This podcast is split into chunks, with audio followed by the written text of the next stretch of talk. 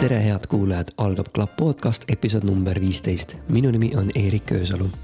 selles podcastis räägime videoproduktsiooni valdkonna inimestega nende töödest ja tegemistest ning mul on äärmiselt hea meel, et täna saame taaskord hüpata filmi ja reklaami maailma ning rääkida temaatikast, millele me filme ja reklaame vaadates kindlasti esimese asjana ei mõtle, kuid mis on olemas absoluutselt iga videoproduktsiooni juures sest me eksisteerimegi ometigi kindlas ajas ja ruumis ja iga sündmus ning tegevus peab kuskil juhtuma.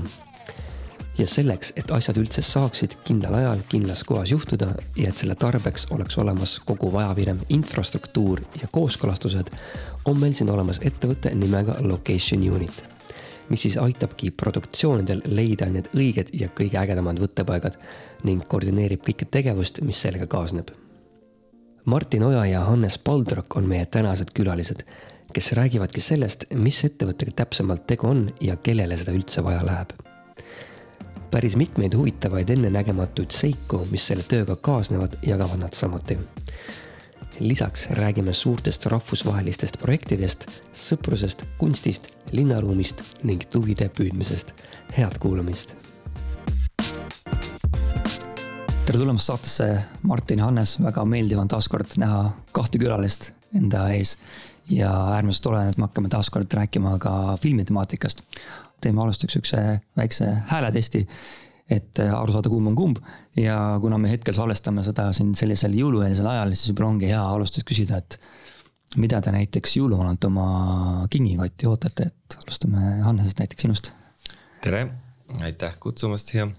jõuluvana käest ähm, tegelikult ma ei oota väga eriti midagi, tahaks, et oleks mõnus rahulik, äh, rahulik pühade aeg ja, ja saab äh, perega aega veeta. Martin? Äh, tere ka minu poolt, et jah, ma arvan, et see aeg oleks kõige olulisem, mida võiks, saada jõuluvana käest, et asju on juba kogunenud aastatega küll ja veel eetriväliselt me ennem natuke juba rääkisime, et hetkel on selline rahulikum aeg teil produktsioonis. aga küsin siiski juba etteruttavalt, et kuidas võib-olla tulev aasta, kaks tuhat kakskümmend kolm aasta algus välja näeb, et millised projektid võib-olla on tulemas, millest tohite ja saate rääkida? kuidas üldse praegu selline talvine periood teie, teie puhul välja näeb? Eks ta tava, on kujunenud niimoodi, et see aasta lõpp ja talv on sihuke vaiksem aeg.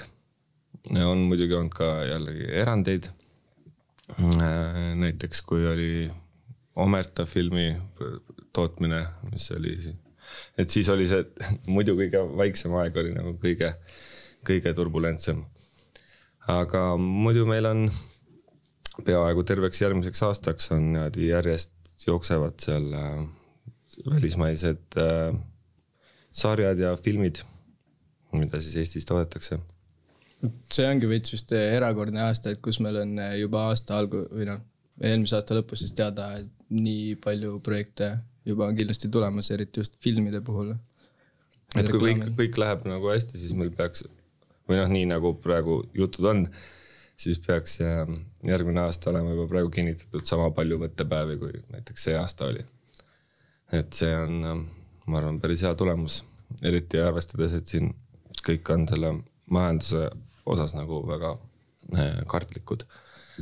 et äh, see annab nagu kindlust kindlasti juurde, et kas ettevõtte seisukohast on niisugune hea märk teile või sihuke eesmärk, mille poole te oletegi püüelnud, et võimalikult pikalt ette, ette saaks oma kalendri täis?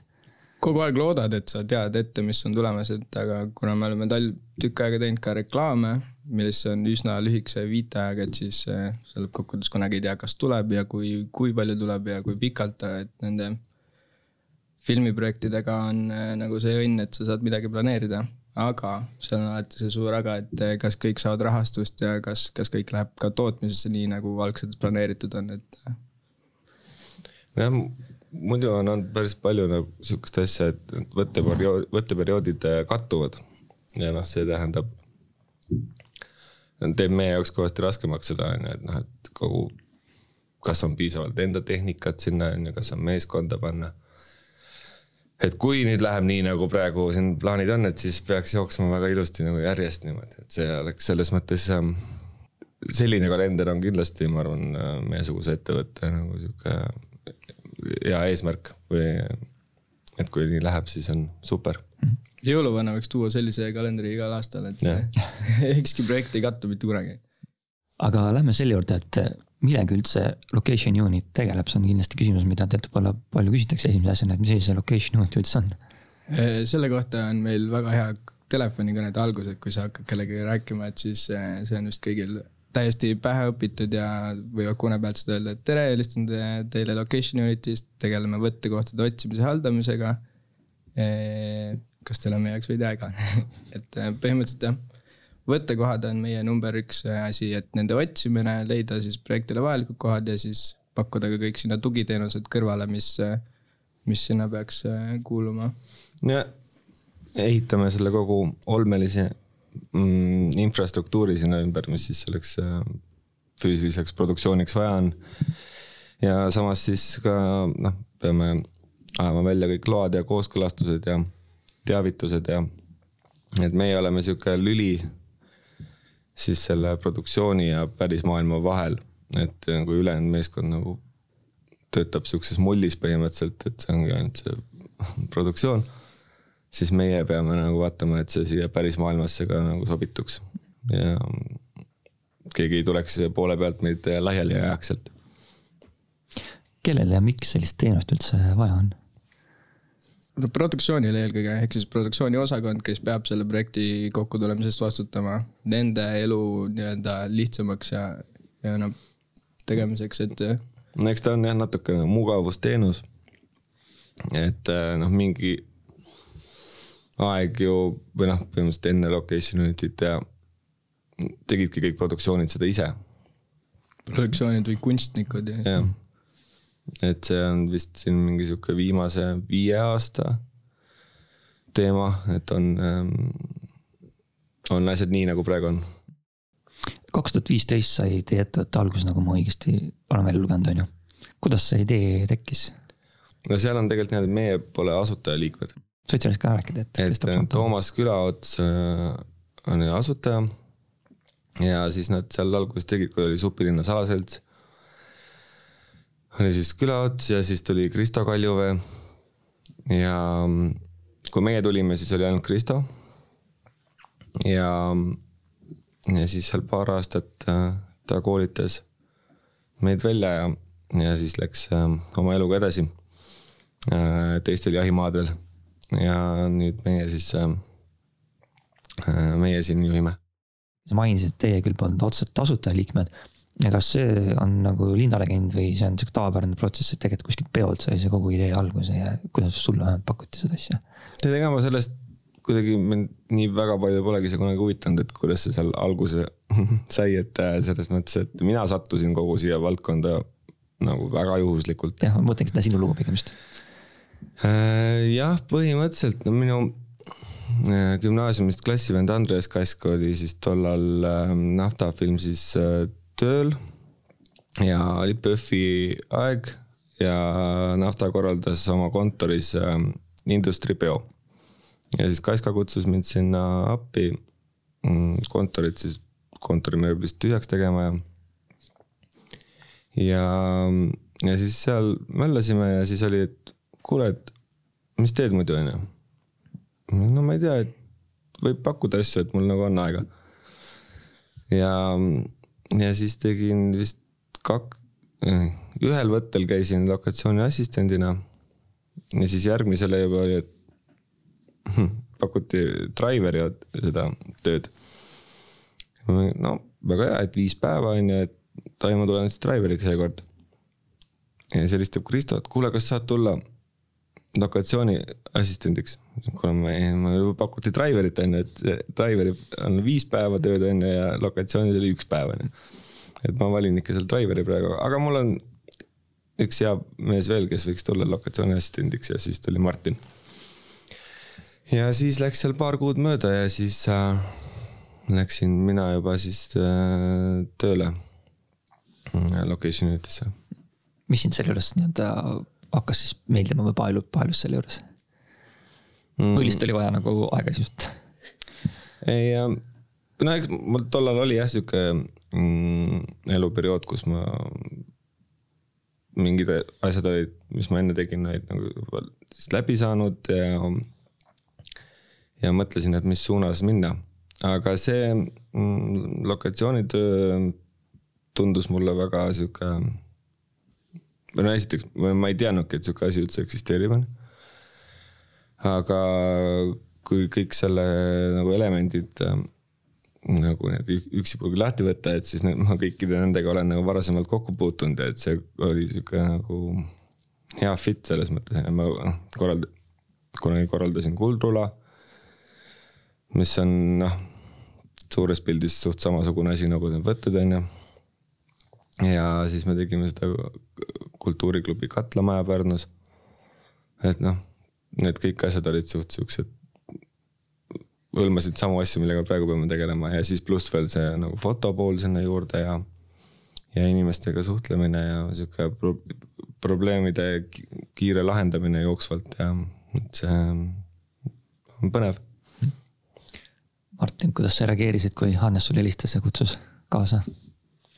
Ei, see oli väga põnev, sel hetkel ma tegin üsna igavat tööd, et äh, palju arvutitööd ja, ja siis, kui tuli see pakkumine ja esimest korda seal ära tegin, siis äh, see tekitab esimest korda veits sõltuvust nagu, et kui sa oled seal põnevas äh, mulli sees, esimesed korrad väga hästi ei saa aru ka, mis seal toimub, et, et sealt see asi hakkas arenema pluss see seltskond oli see, mis, mis hoiab sealjuures, et on äh, nii kontori kui, kui selle kogu võttemeeskonna puhul, see on suurepärane seltskond inimesi, kellega midagi koos teha.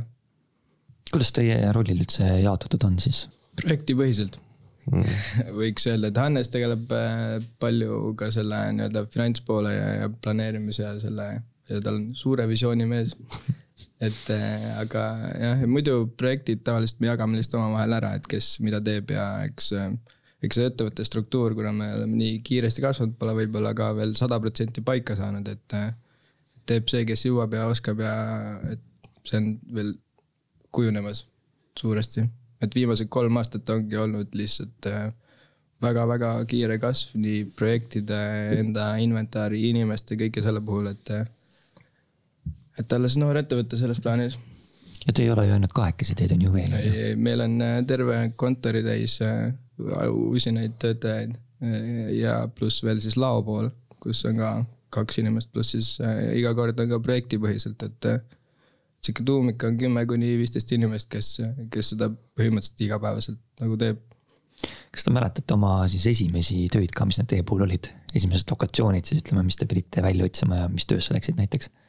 ja esimesed korrad siis, kui Loka assistendina käisime, siis me ei otsinud, me lihtsalt aitasime seda võtet, vähemalt minu puhul oli see, et et siis me käisime nagu platsi assistendina ja minu meelest minu esimene reklaam, kui ma ei eksi, oli vist äh, kassitoidu reklaam. Jah, kassitoidu reklaam Vene turule ja, ja filmisime seda vist äh, lennujaama vanas terminalis. Mhm. see oli põnev, palju kasse. mina läksin Biore võttele, see on vist mingi näohoolitsuskreem. Äh, see läks Saksamaa turule. ja jah, sealt esimest, esimene projekt, milleks ma pidin otsima kohta, oli äh,, oli siis ähm, Playmobil. mis on nagu see Lego laadne toode. ja seal oli vaja sihukest ähm, Ghostbustersi stiilis äh, maja, kust tuleb trepp, tuleb nagu esimesele korrusele suurde tuppa üleval on nagu poisi, noor väikse poisi tuba. ja, ja samas pidi see eksterjöör ka sobima. olles siis nagu päris roheline tol ajal selles kogu asjas ja noh, pinge oli suur, sest et noh, kohtasid oli vaja, sakslased istuvad Eesti produtsentidel kukil on ju, noh. siis käi-, ma käisin seal pühapäeva õhtul mm, Nõmmel niimoodi vaata, sõitsid autoga no vaatasid, et akendest sisse, et kus see trepp on juba noh, onju. Ja, ja kaks korda kutsuti mulle politsei seal. ma tol ajal oli mul palju vähem juukseid ka peas, siis ma võib-olla nägingi väga sihuke suht kahtlane vend välja, kes seal luusis. ja inimeste elutoas sisse pildistas. kas sa, kas sa pildistasid sisse või? no vahepeal ikka jah. aga noh, sealt said oma esimesed vitsad jah, see see sellist äh, knippi meil enam praktikas ei ole enam kellelegi elutoast sisse kindlasti ei pildista. no see oli siuke algusasi äkki, et mm. aga kas sa lõpuks leidsid selle, selle koha ja kust sa leidsid selle lõpuks? no lõpuks filmiti see ikkagi selles majas, mis oli juba selles esimeses lokatsiooni pakkumises nagu sees. et see on suht tavaline praktika, et eriti reklaamide puhul. et äh, kui projekt tuleb sisse me esimese asjana teeme noh, juba olemasolevatest, mm, mis meil andmebaasis on, presentatsiooni. ja noh, näiteks, et seal on seda maja vaja, on ju, et paneme juba noh, näiteks kümme maja sinna, et näidata, et milline, millised meil siin on ja et kas juba midagi äkki sobib. ja noh, siis sealt valitakse paar tükki välja. ja siis tahetakse alati veel ja veel samasuguseid. et neid ei ole kunagi piisavalt. ja no siis seal käiski vist mingi kaks nädalat seda intensiivset otsimist ja võeti ikka see, selle presentatsiooni esimene maja. et ähm, see on jah, kui produktsioonidele meeldib seda raha kuidagi sinna valada. aga see näitab ka ju seda, et tegelikult teie või siis antud juhul sinu välja pakutud nii-öelda esimene sisetunne tihtipeale ostub õigeks ikkagi. ikka päris tihti on seda, eriti viimasel ajal, kui on nagu seda praktikat ja kogemust nagu rohkem olnud, et siis pakud selle õige asja ära ja siis pakud lihtsalt alternatiive, alternatiive, alternatiive. ja no eks nad, eks nad noh, selles mõttes ma saan aru, miks nad seda tahavad, et äkki tuleb ikkagi parem mingi asi, aga noh. mingid asjad on ikkagi siuksed, mis sa noh, juba oma kogemuse pealt tead, et seda ei ole tegelikult paremat versiooni mm. asja meil Eesti, noh mitte see, me ei räägi kogu ju Eestist, vaid ähm, tihtipeale Harjumaast ja ka võib-olla lihtsalt ainult Tallinnast on ju et ähm, noh, mingid ajastu mingid kohad näiteks noh, noh, et see on su kõige parem variant on ju. et ma võin su raha kulutada ja otsida nädal aega veel seda alternatiivi, aga noh, seda tegelikult ei tule. et ähm, noh, mõnikord on nagu mõistlikud ähm, mõistlikud partnerid, kes äh, võtavad sind nagu kuulda selles osas ka ja ütlevad okei okay,, et noh, et suuname selle raha siis kuskile mujale aga vahel tegelikult tuleb sealt ka seda, et äh, režissöör või mõni loov inimene avastab enda nendest uutest nii-öelda out of the box äh, variantidest midagi sellist, mis ta ise ei teadnudki, et talle võiks meeldida, et, äh, et vahel ei ole see raha nagu alati maha, maha visatud, aga pigem kipub see sinnapoole, just reklaamide puhul millegipärast see läheb tavaliselt nii, et lihtsalt paku, paku, paku ja. kuidas see politsei olukord nüüd lahenes sinu jaoks tookord? või need kaks korda siis isegi? ja ei noh, eks ma noh seletasid seal, mis ma teen ja siis ta noh, ega nad vangi ei pandud mind. Ei, et selles mõttes lahu-, lahenes ilusti, aga äh,. noh, politsei jagas siis näpunäiteid, et võib-olla pimedas mitte siis seal väga kooserdada või müts pähe panna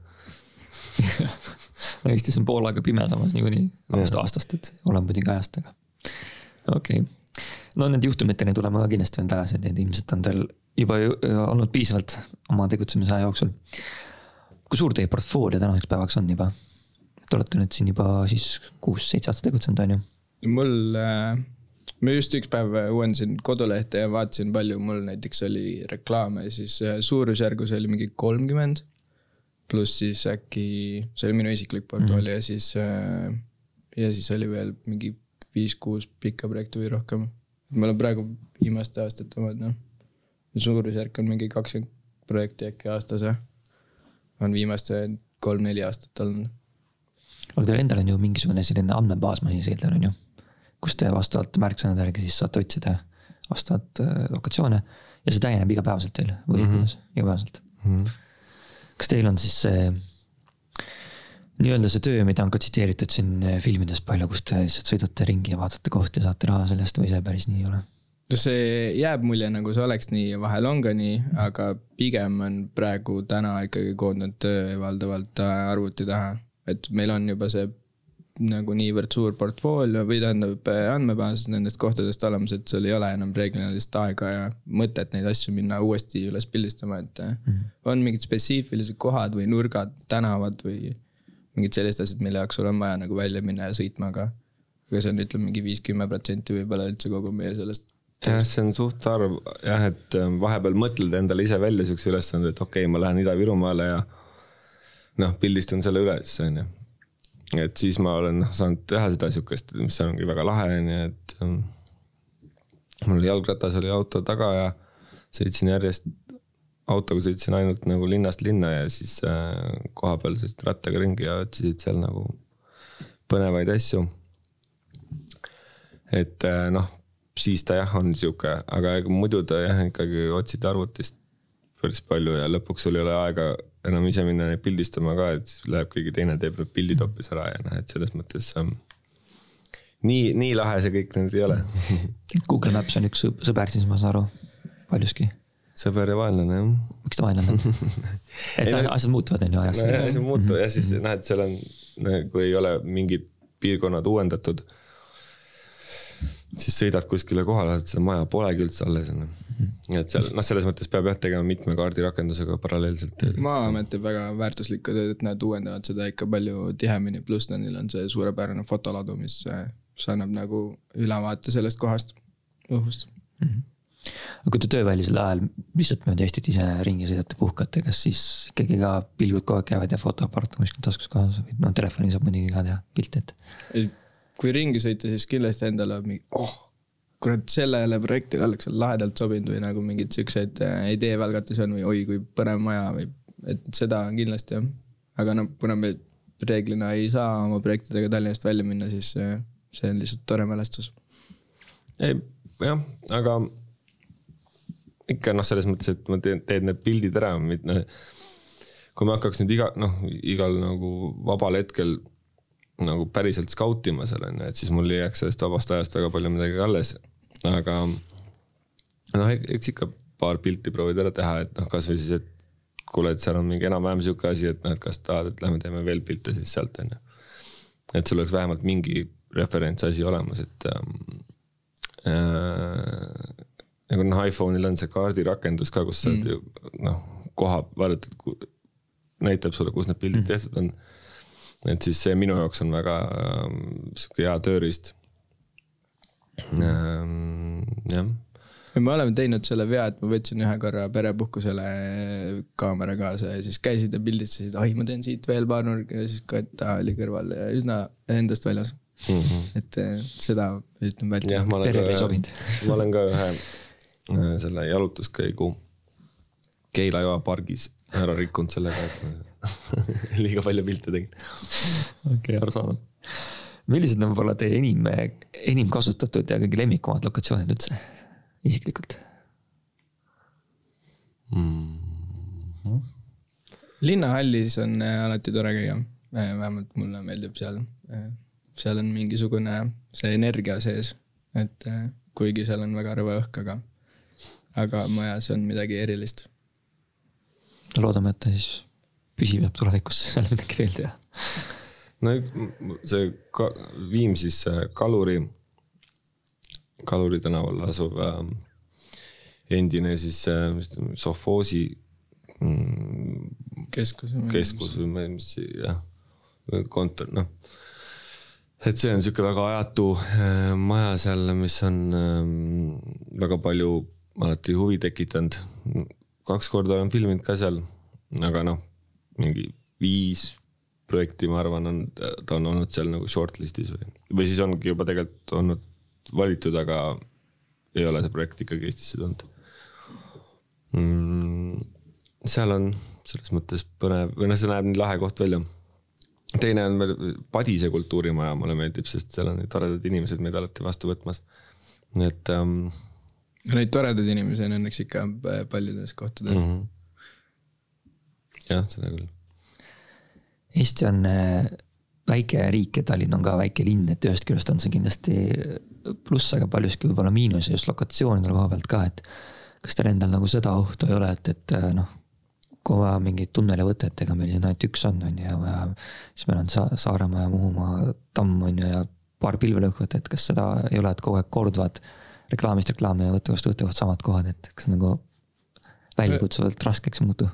Õnneks on ka kliendid äh, väga erinevatest kohtadest, et need ei, tihti ei jõua samadele turgudele, need klipid, et äh, eks äh, välismaal või nagu Hispaanias on ka näiteks Barcelonas on mingi kaks-kolm tänavat, kuhu kõik mm -hmm. autoreklaamid koonduvad, aga lõppkokkuvõttes ega keegi neid seal ära ei tunne, kui need moodustavad sellest klipist mingisuguse kaks sekundit, kolm sekundit, et et on kahju küll, et teatud mingeid hooneid ja asju on nagu vähe, et sa ei saa pakkuda nagu lihtsalt lõpmatult, aga. Ja noh, samas linn areneb, tekivad uued nurgad ikkagi mm aga ennast selles mõttes suures pildis ikka natukene ma kardan seda, et kas see mingil hetkel nagu ammendab ennast ära siin riigis selle või noh, siin piirkonnas selle töö tegemine, et ähm, selles mõttes jah, tahaks nagu äh,. kunagi tahaks ikka töötada nagu rahvusvahelise mm, location scout'ina võib-olla. Õnneks inimeste mälu on ka lühike mm., kui nad on seda kunagi näinud, siis tõenäoliselt nad seda uuesti mäletavad, on väga väike aga ei, ma olen Hannese mõttega ka nagu selles suhtes nõus, et enda jaoks võib-olla ei ole nii väljakutsuv alati enam, kui sa teed sedasama kohta kümnendat korda, et aga õnneks on projektid erinevad, et see ei juhtu nii tihti, kui sa pead sedasama kohta jälle tegema. oskate te nimetada ka, mis, mis, mis lokatsiooni te kõige rohkem olete kasutanud? No Tornimäe piirkond on sada protsenti see, kuhu kõik või noh, üheksakümmend protsenti autoreklaamidest tahavad kindlasti minna, sest et sealt saad oma selle Manhattani ja klaasi ja, ja selle, et. aga on mingid majad, kus me oleme nagu käinud palju ja, või noh, teistest rohkem ja et, et neid lokasid ikka on, kus, kus tihemini käid. jah, mõned, mingi sihuke kolm-neli maja, ma arvan, suurus või. viis, ma ei tea, no, noh, mingi hulk neid on, kus, kus siis äh, millegi, midagi nendes majades on sellist, et äh, kuhu minnakse rohkem. et ähm, kuigi need ei ole üldse võib-olla näiteks nagu infra mõttes või logistiliselt ei ole nagu mingid suurepärased. aga kuidagi see ruumilahendus seal majas sees äh, on midagi sellist, mis toimib ja, ja mida valitakse siis rohkem välja on miski sihuke soov tulnud ka, mida te võib-olla ei suuda täita või te teate, et sellist asja on meil siin Eestis üldiselt raske nagu leida, mida te yeah. pakkuda kliendile? mäed mm. -hmm. see on põhiline asi, mis on äh, tihti sees ja mida meil mitte kuskilt ei ole välja võtta mm. -hmm sa oled ikka sellest Rummu karjäärist pildis et äkki läheb? jah, äkki läheb, no meil Mäges ei ole, aga meil on sihuke asi äkki meeldib ähm,. et Rammstein on seal video teinud ja nii edasi mm. -hmm. saate minna. no mitte Rammstein. Till Lindemann. Till jah, just, just, just, just. hästi mitu tükki jah. jah, kolm või neli vist. Mm. see oli ka muidu teiega seotud? jah mm -hmm.. Mm, Mad, okei okay., midagi veel? Martin siin ühe projekti jaoks otsib praegu. Mm, eks need nagu siuksed suured kodud, eriti korterid noh, siuksed nagu Pariisi ja Berliini nagu siuksed mis on olnud ühe perekonna käes, on ju seal sada aastat. et noh, selliseid on meil ikkagi, aga noh, kui, kui kellelgi on ka need, siis sinna on suhteliselt raske sisse saada. et noh, näiteks noh, sellega käib kaasas ka siis ju tavaliselt see, et seal on seintel igast väärtuslikku kunsti ja mida noh, need inimesed, kes seal elavad, ei ole väga huvitatud, et keegi saaks teada, et neil sihuke asi seal üldse on, on ju, ja noh, et et ähm, jah, need on minu meelest siuksed no, asi, mida nagu tihti küsitakse ja mida meil on nagu raske pakkuda. Martin korra siin mainis ennem sihukest elementi, et tihtipeale jõuab äh, reklaami just sisse nagu paar sekundit mingist ägedast lokatsioonist ja kohast, et. Et mul oligi sihuke mõte, et äh, noh, filmide puhul on lihtsam, et film on sihuke pikk teos, seal ütleme stseenid on pikemad kuid reklaamide puhul on tihti just see, et ju tehakse ju mitu versiooni, sul on tihtipeale see pikk story, mis on paar-kolm minutit, siis sul on kolmkümmend sekki, sul viisteist sekki, vahepeal sul on äkki isegi mingi viiesekundiline lõik. ja ega me võib-olla ütleme siis televaatajad või kellele see reklaam suunatud on, kas siis televisioonis või kinos või kuskil, tihtipeale jõuavadki need hästi lühikesed klipid, et väga palju tööd, mitte ainult lokatsiooni puhul, vaid üldse kõik muud osakonnad ka mm, -hmm. läheb nagu kaduma. Ja ma täpselt ka ei tea, kuidas see nagu protsess nagu otseselt toimib, kuidas seda reklaami müüakse, kui pikalt ja kuhu, aga kas nagu selles mõttes nagu kahju ei ole, et. et tehakse väga eepilist suurt kunsti, väga filmilik reklaam, mis on tihtipeale paremad kui ükskõik milline telesaade või, või, või võib-olla kohalik, võib-olla isegi film näiteks. aga siis vaataja näeb sellest, noh, näeb oma kümme sekki ära, logo ette ja lõppu ja. Või ei näe üldse. või ei näe üldse või see näeb väga vähe, vaadake, oh, tihtipeale on, ega mina ju enamasti näen ka neid reklaame kuskilt, kas Youtube'ist või viime aasta kuskilt portfooliost, vaatan, what the fuck, sihuke jumala äge reklaam on nagu mm. Eestis tehtud, tegelikult pole aimugi, et see on tehtud, siis vaatad, no see on juba kolm aastat tagasi mm. -hmm. et kuidas te sellisesse olukorda suhtute? süda tilgub verd.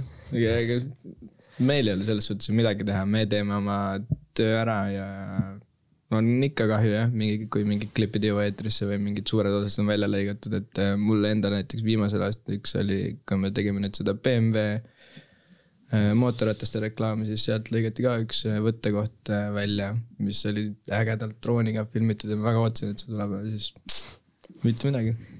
no mul on olnud vist, ma ei tea täpselt, aga noh, ma tean vähemalt kaks reklaami vist, mis ei olegi välja tulnud et no läks, et filmimine läks nagu nii pekki vist, et või no seal tihtipeale on, või no mitte tihtipeale, aga noh, selles mõttes vahepeal on need režissöör ja siis need kliendid äh, kuidagi ei saa läbi omavahel ja visioonid ei klapi, ma ei tea, noh, mingil hetkel on tehtud mingid valed otsused.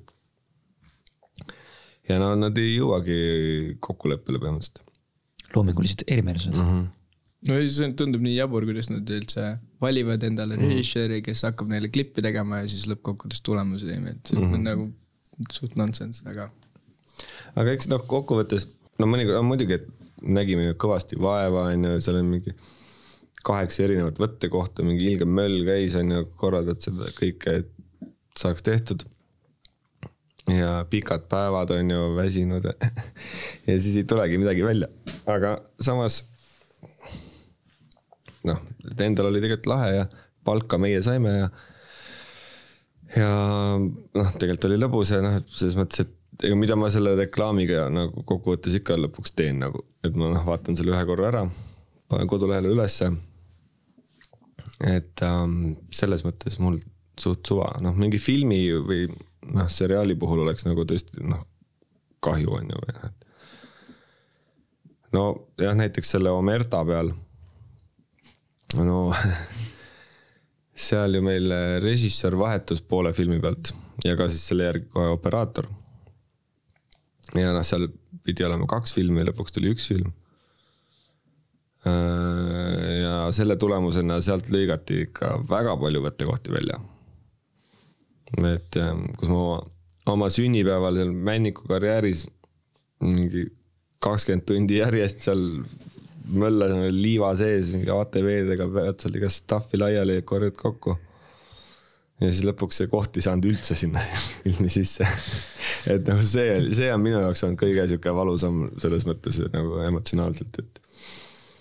et um, see oli, noh, seal oli see nii karm värk, et öösel on ju noh, mingi vihma sajab, pime, liivane männikuna seal, seal oli nagu sihuke väike oht, et seal kuskil on mingid pommid veel kuskil metsa all, on ju. et noh, me kontrollisime küll seda ala enne, aga noh, selles mõttes sa ei, noh, ei tea ju, kui hästi sa seda lõpuks saad nagu tegelikult teha, on ju. et äh, noh, siuksed asjad näiteks. kas Männiku karjääris oli ka mingi auto seal kinni või midagi, mingi rekka kuhugi kinni jäänud või? seal oli. ja, ja, ja, ja, kas see oli ka sama mõttega seotud või see on mingi muu? ei, see, noh, seal meil oli küll valgusreka oli seal liiva sees ikka täiesti kinni, jah ja kuidas sellisel juhul äh, see päästetud saab, et seda pead ju jällegi sina antud juhul siis orgunnima või? jah, no seal oli äh,, valgusmeeskond oli endale toonud kohale selle teleskooptõstukid ähm,. või noh, me, me tõime neile, et äh, nad saaksid neid valgusposte seal liiva sees äh, ümber tõsta. ja siis selle tõstukiga siku, sikutati sealt mm. välja siis aga jah, see on need kinnijäämised on jah, need on igast põnevad masinad on põnevates kohtades kinni olnud, et. või noh, sellel talvisel ajal äh, iga võte jääb mingi asi kinni kuskil, et. kas teil on selleks puhuks ka mingi oma partner keegi olemas, kes tuleb autoabi või mingisugune raske? no õnneks meil on äh, pool äh, Loka meeskonda on neli korda neli vennad, et vanade diskode klubi on seal põhimõtteliselt hoovi peal koos, et. et siis vintsid on olemas ja saab. jah mm mõistlik, mõistlik no pluss meil on enda see tehnika on ka sihuke, et kuna me veame neid suuri pabikaid, siis meil on üsna võimekad äh, masinapark, mis reeglina saab sellega hakkama, et. jah. mainisime siin just korra ennem seda telereklaami sellist valu, kus palju välja lõigatakse, aga kas teie jaoks on selles mõttes vahet ka, kas klient on siis antud juhul ütleme, teeb ta filmi, teeb ta reklaami või teeb ta mingit telesaadet, et kui palju see teie, teie tööd nagu mõjutab? Mm, no kindlasti, või noh, need on kõik väga erinevad. et ähm, no reklaami puhul on kõik väga hektiline, kiire on ju, noh, see nagu. meelemuutused on ka väga tihti. jah, ja noh äh,, filmi puhul on see planeerimisprotsess on kõvasti pikem. ja kuna seal on, on sul noh aega seda prep ida rohkem samas on sellel võttekohal on seal projektis ka nagu suurem kaal, ehk siis nagu tahetakse seda nagu kõige paremat varianti sinna tihtipeale. ja näiteks seriaali puhul, kus see, selle ühe võttekoha kaal üldiselt on väiksem, sest et see noh, projekt on ise ju noh, näiteks noh, kaheksa korda nelikümmend viis minutit versus siis nagu poolteist tundi üks film et seal peab tegema palju nagu siukse noh, nagu logistilisi kompromisse. Et oh, meil on vaja nagu, kuna meil see näitleja on ainult sellel päeval, meil on see koht on seal, peame seal lähedal leidma selle teise koha ja noh mm -hmm.. Nad peavad olema mõistvamad ja nagu tegema suuremaid kompromisse. küsin siia vahele, et kas, mis seal täpselt dikteerib, et sa tõid praegu ühe näite, et sa tõid hea näite, et mingi näitleja tihtipeale võibki dikteerida siis asukohta. oi, need näitlejad ära hakanud. no need on, noh, need on head, et sa vaatad, et sul on hästi projekte on ja kõik ilusti jooksevad võttekohad on ja kõik on nagu mõnus. ja siis hakatakse näitlejaid ära kinnitama. ja tuleb noh, nende need saadavuskuupäevad ja noh, siis see keerab selle plaani sul nagu nii pea peale. ei noh, ma saan aru tegelikult, see on nagu nali, aga nagu selles mõttes, et äh, jah, no nagu Melchioriga käisime kolm korda vist Narvas või nagu näitleja pärast, et äh, noh, muidu keegi, noh, oleme siin mitu korda rääkinud, et ei, olen väga Tallinna põhine on ju, et see, kui sa juba sõidad siit selle produktsiooniga välja kuskile, noh, see on väga suur kulu. ja see, et keegi käib kolm korda Narvas, mis on kõige kaugem koht, kus sa Tallinnast saad minna, et see on nagu väga no kõige halvem, erakordne ja kõige halvem asi, mis sul saab juhtuda seal põhimõtteliselt aga tulles tagasi tulles selle algse küsimuse juurde, et kas see filmi, nagu need kõik on väga erinevad, ongi seesama, mis sa ütlesid, et äh, reklaamis teed nagu äh, liinitööna või noh, režissöörid teevad siis filme ta mõnikord on see selle inimese elutöö, ehk siis ta ongi panustanud sinna niivõrd palju nagu eeltööd ja, ja tal on nii kindel visioon sellega, et. Äh, et ma arvan, et see filmid on selles suhtes hoopis teistmoodi jah et kuidas te enda edu võib-olla üldse skaleerite või mõõdate, et kas see projekt oli teie jaoks edukas või mitte?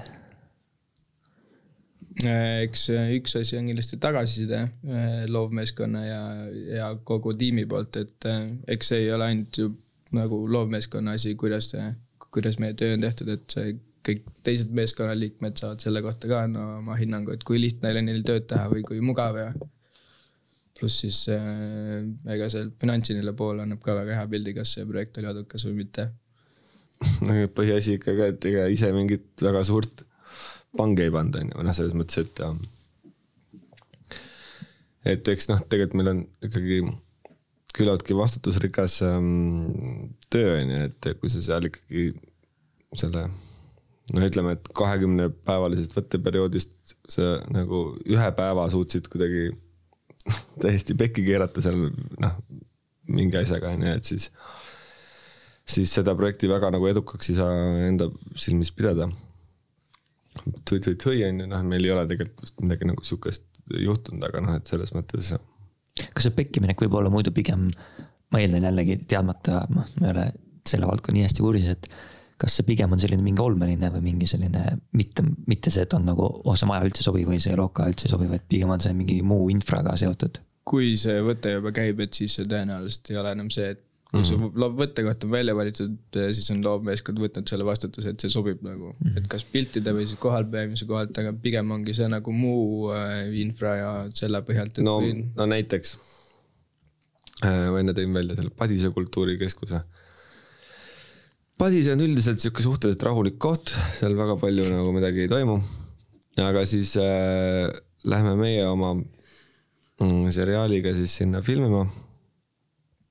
ja täpselt samal ajal siis on seal plaanis teha neil ähm, terve selle kultuurikeskuse ümber äh, asfalteerimistööd.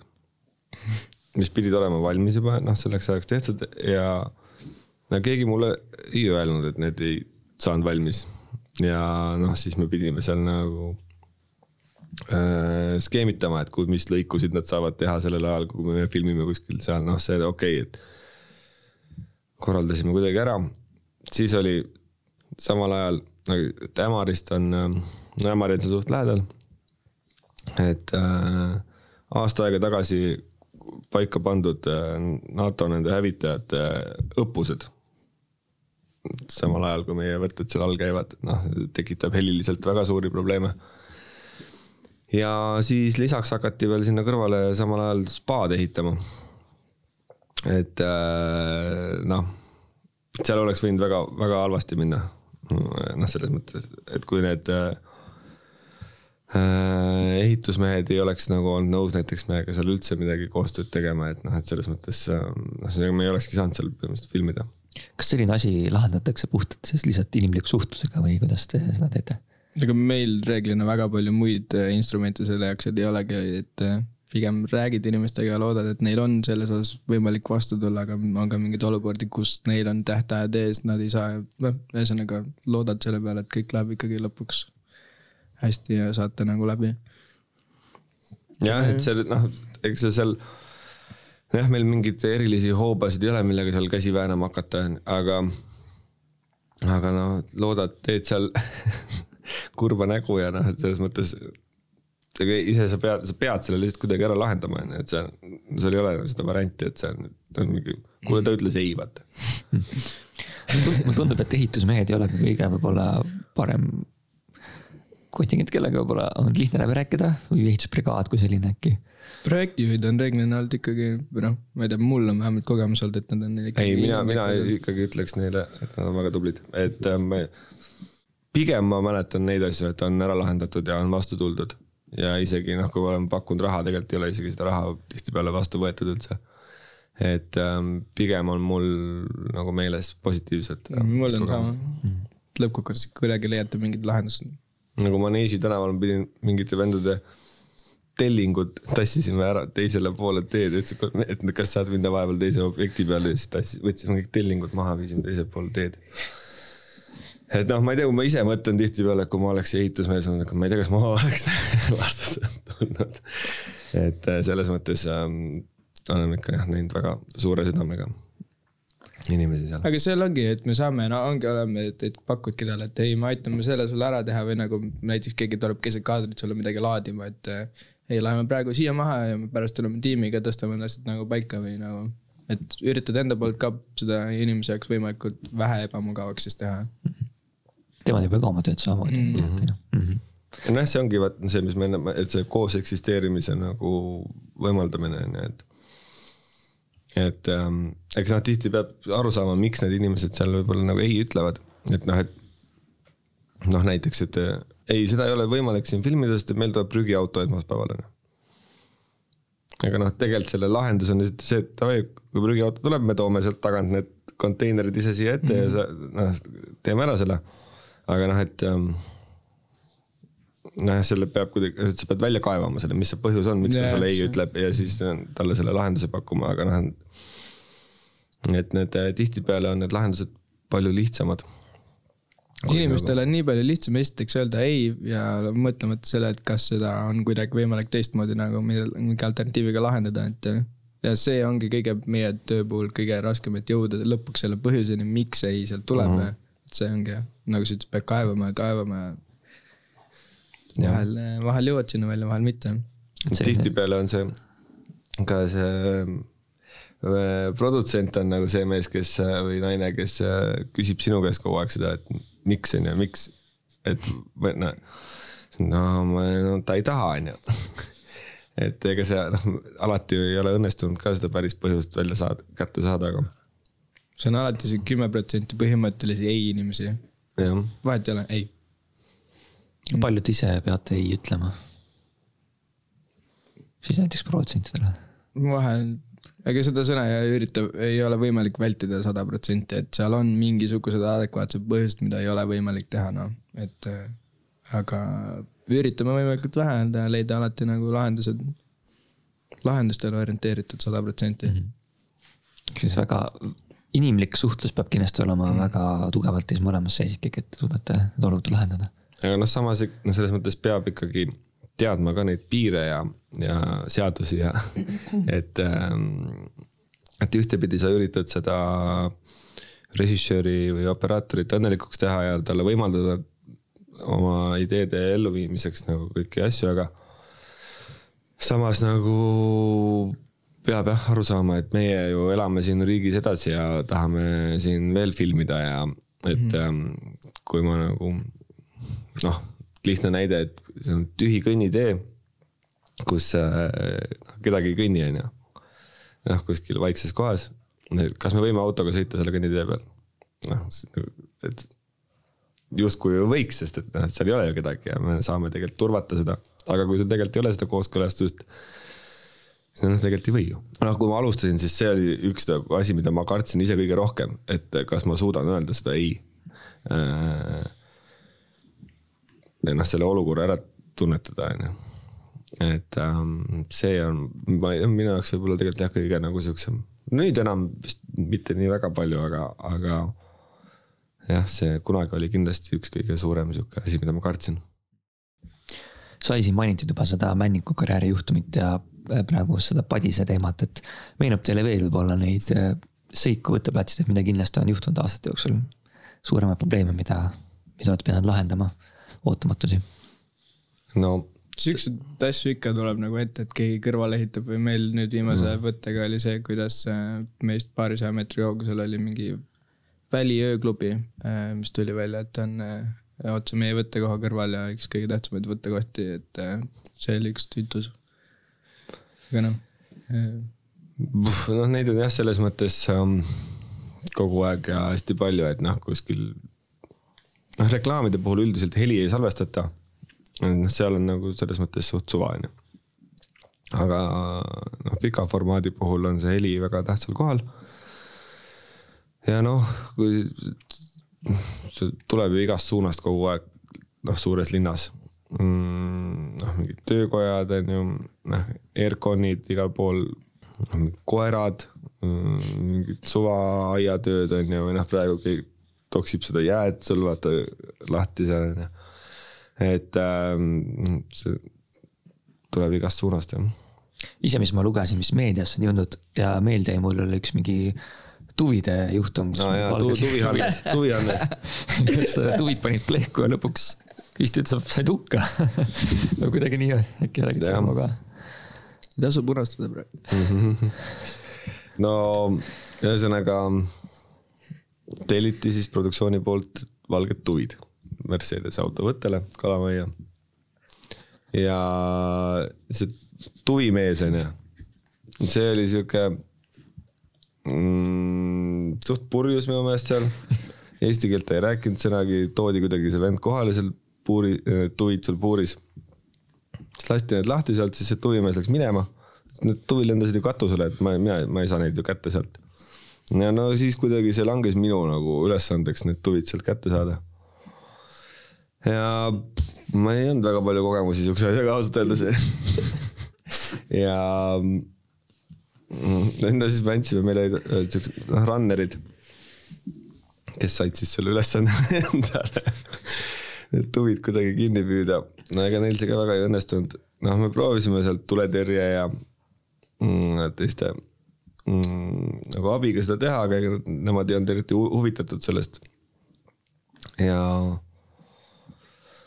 no siis nad lendasid siin, ma sain üle linna mingeid kõnesid, et kus need, et aa, need teie tuvid on nüüd jõudnud siia mm, Pelgulinna, tulge järgi. no saadad selle tüübid sinna, lähevad sinna hoovi, proovivad sealt hoovis kuidagi seda tuvi kinni püüda, aga noh, et. no ei, noh, see oli ikka täielik bardakk et see mingi nädal aega tegelesime sellega, aga noh, mida, aga kui sa kuskile nagu otseselt ei jõua sellega, siis need tuvid lendavad eest ära kogu aeg seal ja, ja lõpuks jäid auto alla tegelikult see oleks naljakas, et hukka said, aga. ei ole tõesti muidugi. tegite üritus naljakas. aga oh jah, Urme, Urme. no võib-olla siin naljakamatest juhtumitest on veel see äh,. Omerta ajal filmisime Tart-, me olime esimene võttegrupp siis, mis sinna Tartu Ülikooli peasaali sisse sai.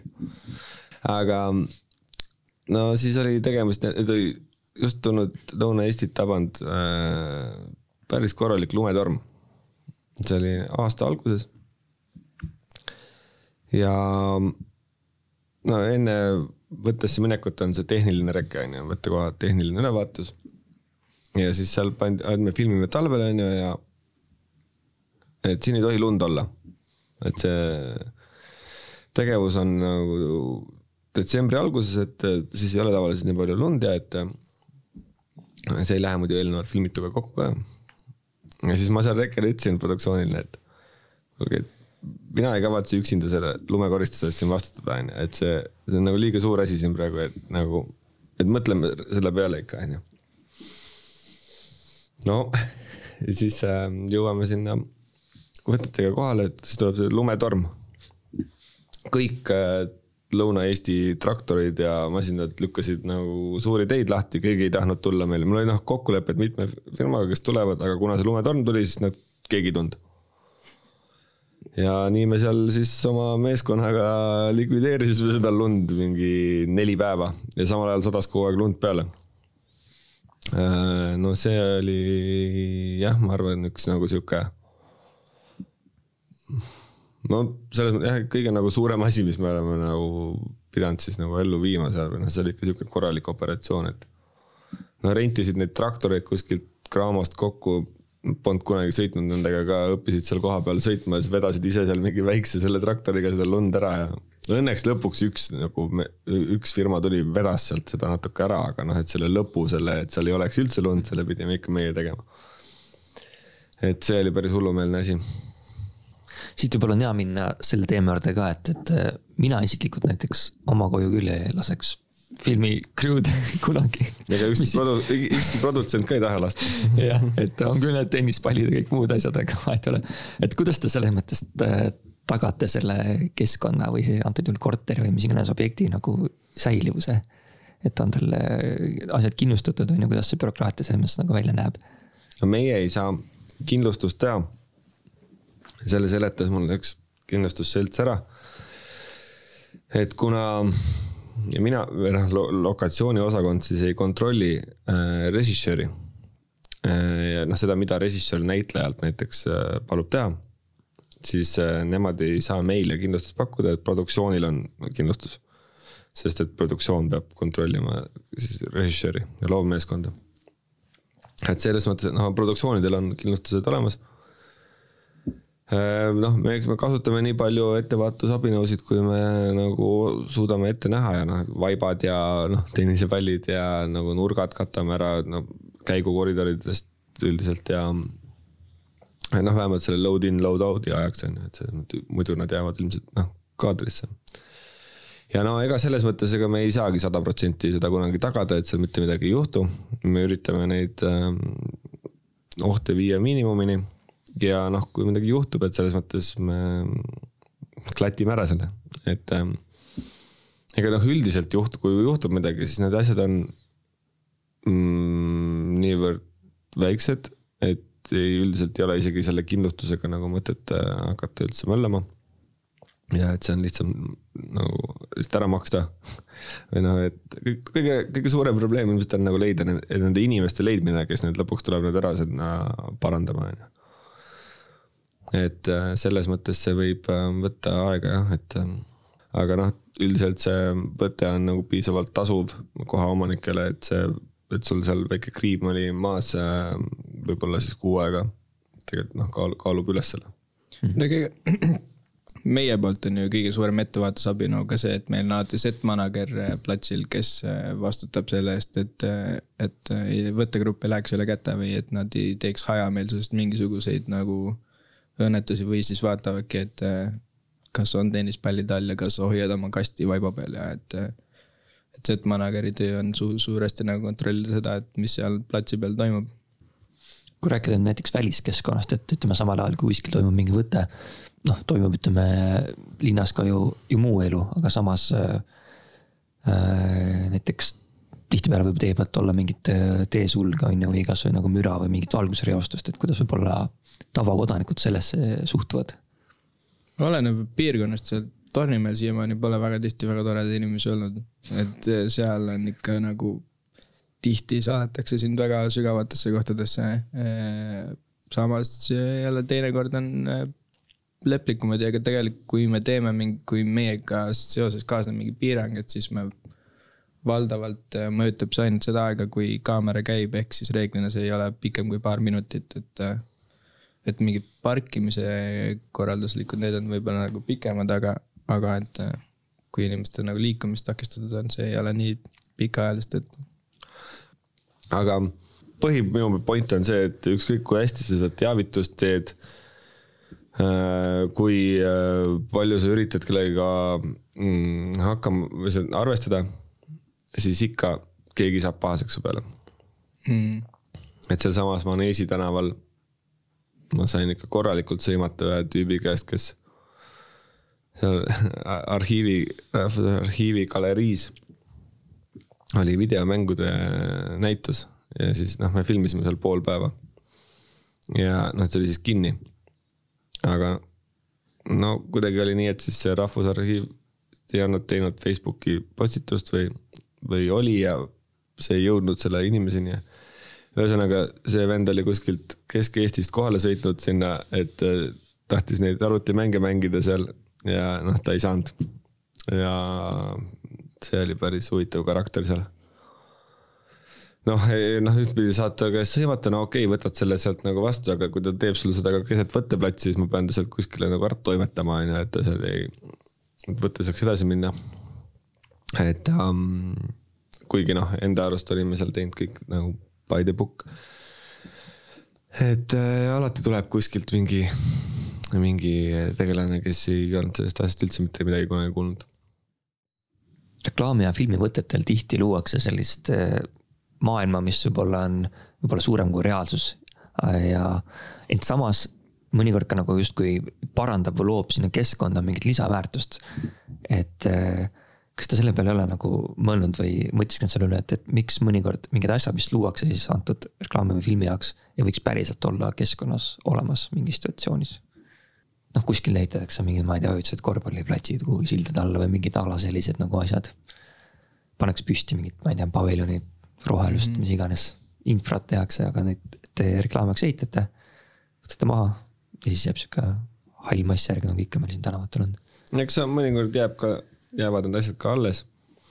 et see on eriti lahe tegelikult, kui see niimoodi nagu läheb kokku, et me saamegi, et me läheme sinna filmima ja läbi selle me seal renoveerime midagi ära. no nagu Nolan tegi tegelikult Linnahalliga mm,. seal ikkagi ju tehti see, vist terve see asi värviti seal üle ja tehti. no see tehti, aga noh. jäid teistest, võtsid kaasa nagu, mis jah, et aga noh, see on jah alati sihuke, et ega see filmimaailm on ju paras butafooria on ju, et selles mõttes ähm, päris nagu betooni keegi väga ei hakka valama. vähemalt Eestis ilmselt mitte. et ähm, ei no eks ikka mõtleme seda jah, et ähm, et äh, võiks ju olla jah, needsama kossuplatsid seal silla all või kuskil parkimismaja katusel on ju, et need oleks nagu lahedad keskkonnad aga no eks selles mõttes linn nagu liigub sinna suunas ka, et need nagu keskkonnad, mis nagu noh, need nagu lahedad kohad nagu vaikselt tekivad. on sul üldse mingi temaatika, mis teile võib-olla kuidagi korda ka läheb, huvi pakub? urbanism üldse selline linnade areng, et te olete ka ikkagi, te olete ikkagi Eesti peal ka piisavalt palju ringi sõitnud ja läbi kamminud väga palju nurgatagusid, et te näete elu eri palgeid kindlasti mm. -hmm. et mida te võib-olla näete, kui te mõtlete Eesti linnade elu peale, et. ei no mind, mind see linna arengu teema selles mõttes väga huvitab. noh, kogu see jalgratta teema, mis on praegu väga aktuaalne näiteks ja mm, see autostumine ja nagu Kalamaja olukord praegu ja et noh, mingis mõttes tegeled sellega siin iga päev nojah, ma, ma nagu mõtlen kogu aeg nende asjade peale, kuidas siin võiks olla paremini midagi või nagu kuidas siin peaks tegema ja. aga noh, seal on nagu natuke raske on sihuke selles mõttes, et ühtepidi tahaks, et oleks nagu need rattuteed on ju. aga teistpidi see rikub minu jaoks ära nagu võimaluse teha seal mm, tänaval mingit ajastu filmi näiteks. et ähm, eks ma noh, kui tekivad, linnas on mingid arengud, siis ma nagu pean kuidagi jah kahtepidi neid alati vaatama, on ju, et üks see, kuidas see on nagu linnakodanikule ja kuidas see on siis minu business'ile on ju, et äh,. et selles mõttes need on jah, nagu päris vastuolus omadega. aga üks, üks äh, tähtis küsimus võib-olla on veel küsimata siin äh, kogu selle tehnilise ja üldise jutu juurde, et miks üldse siia produktsioonidel, miks meeldib tulla Eestisse filmima, miks nad käivad siin filmimas? Ja me räägime ikka väga-väga suurtest nimedest klientidest, kui teie portfooliot vaadata, igaüks saab ise minna vaadata teie kodulehte, teil on väga ilus portfoolio seal. väga mahukas, et noh, neid nimesi võib nimetada kõik autobrändid on ju, seal on nagu sa ütlesid ennem koeratoitu, seal on kosmeetikat, noh. Coca-Cola on ju mm., kõik asjad eks see mingi aeg oli äh, see hinna kvaliteedi, kvaliteedi suhe selle osas, et mis siit sai, et meil olid väga kõrgelt äh, hinnatud või noh, siiamaani on väga kõrgelt hinnatud tehnilised meeskonnad. kõik on tehnilise võimekust arendanud, pluss siis põnevad kohad ja üsna nagu kom-, kom-, hinnad siis, mis no, konkurentsivõimelised. konkurentsivõimelised hinnad just jah, et. Äh, ja noh, kompaktne keskkond ka mm. -hmm. et sa saad Tallinnas või noh, üldse Eestis äh, üsna väikese mahemaa pealt nagu väga erinevat keskkonda otsida, et sul ongi siin linnalähedane loodus ja, ja kõik see, et. Äh, pluss siis pikemate projektide puhul ma arvan, et see cash rebate ehk siis tagasi riigi raha tagasimaksesüsteem on olnud nagu väga atraktiivne ka, et sa saad siit selle kõr-, hea tulemuse, pluss sa saad mingi osa kulusid nii-öelda tasa, et. Äh, ma ei tea nüüd, ma ei tea, kaua neid reklaame või noh, kuidas nendega edasi läheb, et kui see inflatsioon ja, ja need kõikide inimeste töötasud on tõusmas, et ma ei tea, kuidas see, eks paistab järgmise aasta jooksul ilmselt. aga no mm, reklaamide puhul võib-olla mitte nii palju, aga näiteks ajastu filmid, seriaalid äh, noh, nad peavadki otsima selliseid kohti, kus need midagi veel üldse on alles ja renoveerimata. et ähm, noh, Kopenhaagenis ei ole ju väga midagi, äh, mis meenutaks sulle kaheksakümnendaid või seitsmekümnendaid ähm, noh, see on kindlasti üks, aga noh, ma, ma ei tea, kui kaua meiegi siin veel nagu konkurentsis püsime, et äh, siin ju meeletu hooga võetakse maha neid äh, kohti. et ähm, mitme projekti peale on niimoodi, et noh, filmid ära seal. sa oled viimane, kes seal käib põhimõtteliselt. jah, ja siis on nüüd pärast, et oo oh,, kuule Hannes, et meil jäi seal üks tseen jäi natuke pooleli, et kas saame tagasi minna sinna? Pole maja enam. et ähm, jah, sihuke, sihuke lugu on, et eks me nagu selles mõttes varsti oleme ka suhteliselt mingi igav äh, Põhja, Põhja-Euroopa riik. et kus peab siis äh, et noh, kindlasti selles mõttes äh, meie meeskonnad on jah, nii heal tasemel, et sellepärast no seda on nagu kuidagi raske maha mängida siin lähiaastatel, ma arvan, aga. aga eks peab jah, kindlasti see stuudio, mis Tallinn Movie Wonderland äh, nagu ikkagi aitab. tahaks näha, mis see kaasa toob, tõenäosus on ju, et no tuleb siia järjest veel põnevamaid projekte ja, ja mingid projektid on kauemad, et äh, ootusärevus on küll suur. mis info teil sellega seoses on? on ta tulemas reaalselt? jutt on, et äh, tuleval aastal läheb kopp maasse ikkagi, ma ei tea, lootus vähemalt on, eks paistab. mis, mis teie arvates muutuks, kui see saaks reaalsuseks lõpuks? Lõpuks oleks ometi Eestis ka päris stuudiopind, et. et me ei peaks, me ei pea kulutama oma aega otsimaks Lao neid mingeid laopindasid, kus äh, plekk katus äh,, noh, kus kui vihma sajab, siis ei saa filmida. kus pole piisavalt voolu ega mitte mingit muud infrat. et äh, noh, meil mingid need stuudiod on, aga nad on pisikesed. praegu reaalselt ega need ei ole nagu mingid arvestatavad nagu pinnad, kus teha. muutub, noh, et lõppkokkuvõttes meie jaoks muutub see, et mingid filmiprojekte tõenäoliselt on siin pikemalt, saavad teha rohkem asju ja et aga mingi projekt ka, mis käis siin kohti vaatamas, neil on ka vaja nagu päris sound, soundstage stuudiot. see on tõenäoliselt, nad teevadki siin nüüd lühemalt ja teevad oma Luksemburgis või koduriigis selle nagu puudujääva osa, et. meie filmiprofessionaalid saavad rohkem ja pikemalt tööd on üks reklaam, mis on saanud siin eh, videoringkonnas väga palju tähelepanu ja üldse ka avalikkust tähelepanu, see on siis BMW uus reklaam, kus, mis näeb väga eepiline välja, on väga ägedad lokatsioonid, Eesti näitleja on seal. äkki sa räägid natukene lahti sellest protsessist, kuidas selline projekt Eestisse jõudis ja teoks sai? lugu siis, jutt siis sellest BMW M1000 R auto ja mootorratas vist oli kaks, kaks toodet isegi lausa. kaks mootorratast oli ja kolmas toode oli see auto, et -hmm. kaks erinevat BMW mootorratast oligi tuhat R ja. ma jään praegu vastuse, ühesõnaga kaks erinevat mootorrattamudelit, mis siis tulid vist äh, BMW mootorrataste viiekümnenda sünnipäeva puhul äkki välja.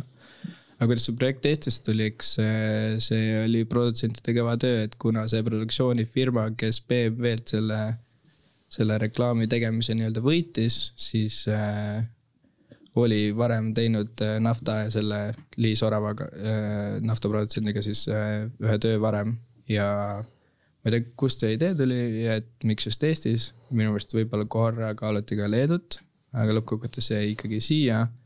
ja eks see protsess käis täpselt sama rada pidi kui, kui teised reklaamid, et nad esitasid oma visiooni sellest, milline see projekt võiks välja näha, et see peab olema kõik ööpimeduses filmitud, et see on põnev linnakeskkonnas orienteerumine ja, ja kuidas need peategelased sealt siis äh, nende rataste ja autoga siis liiklevad, et äh, pidi, pidi olema öösel, aga samas filmitud suvel vist on ju, kus pimedust nii palju ei ole. kõige valgemal ajal siis oli see, et, et kui ma ei eksi, siis oli millalgi juuni alguses, kus, kui ööd olid väga lühikesed, et äh, see oli nagu omamoodi väljakutse, aga aga kuidagi ta sai, sai tehtud, et üks võttekoht, mis ma ise väga ootasin, kahjuks jäi välja sest mhm. et mm. liiga valge oli. see on äh, see ringtee, mis on seal depo juures. Ma ei teagi, kus see mm. -hmm. kus kohta sa mõtled jah, aga. seal nad tegid sellist põnevat liikumist, FPV drooniga jälgis teda.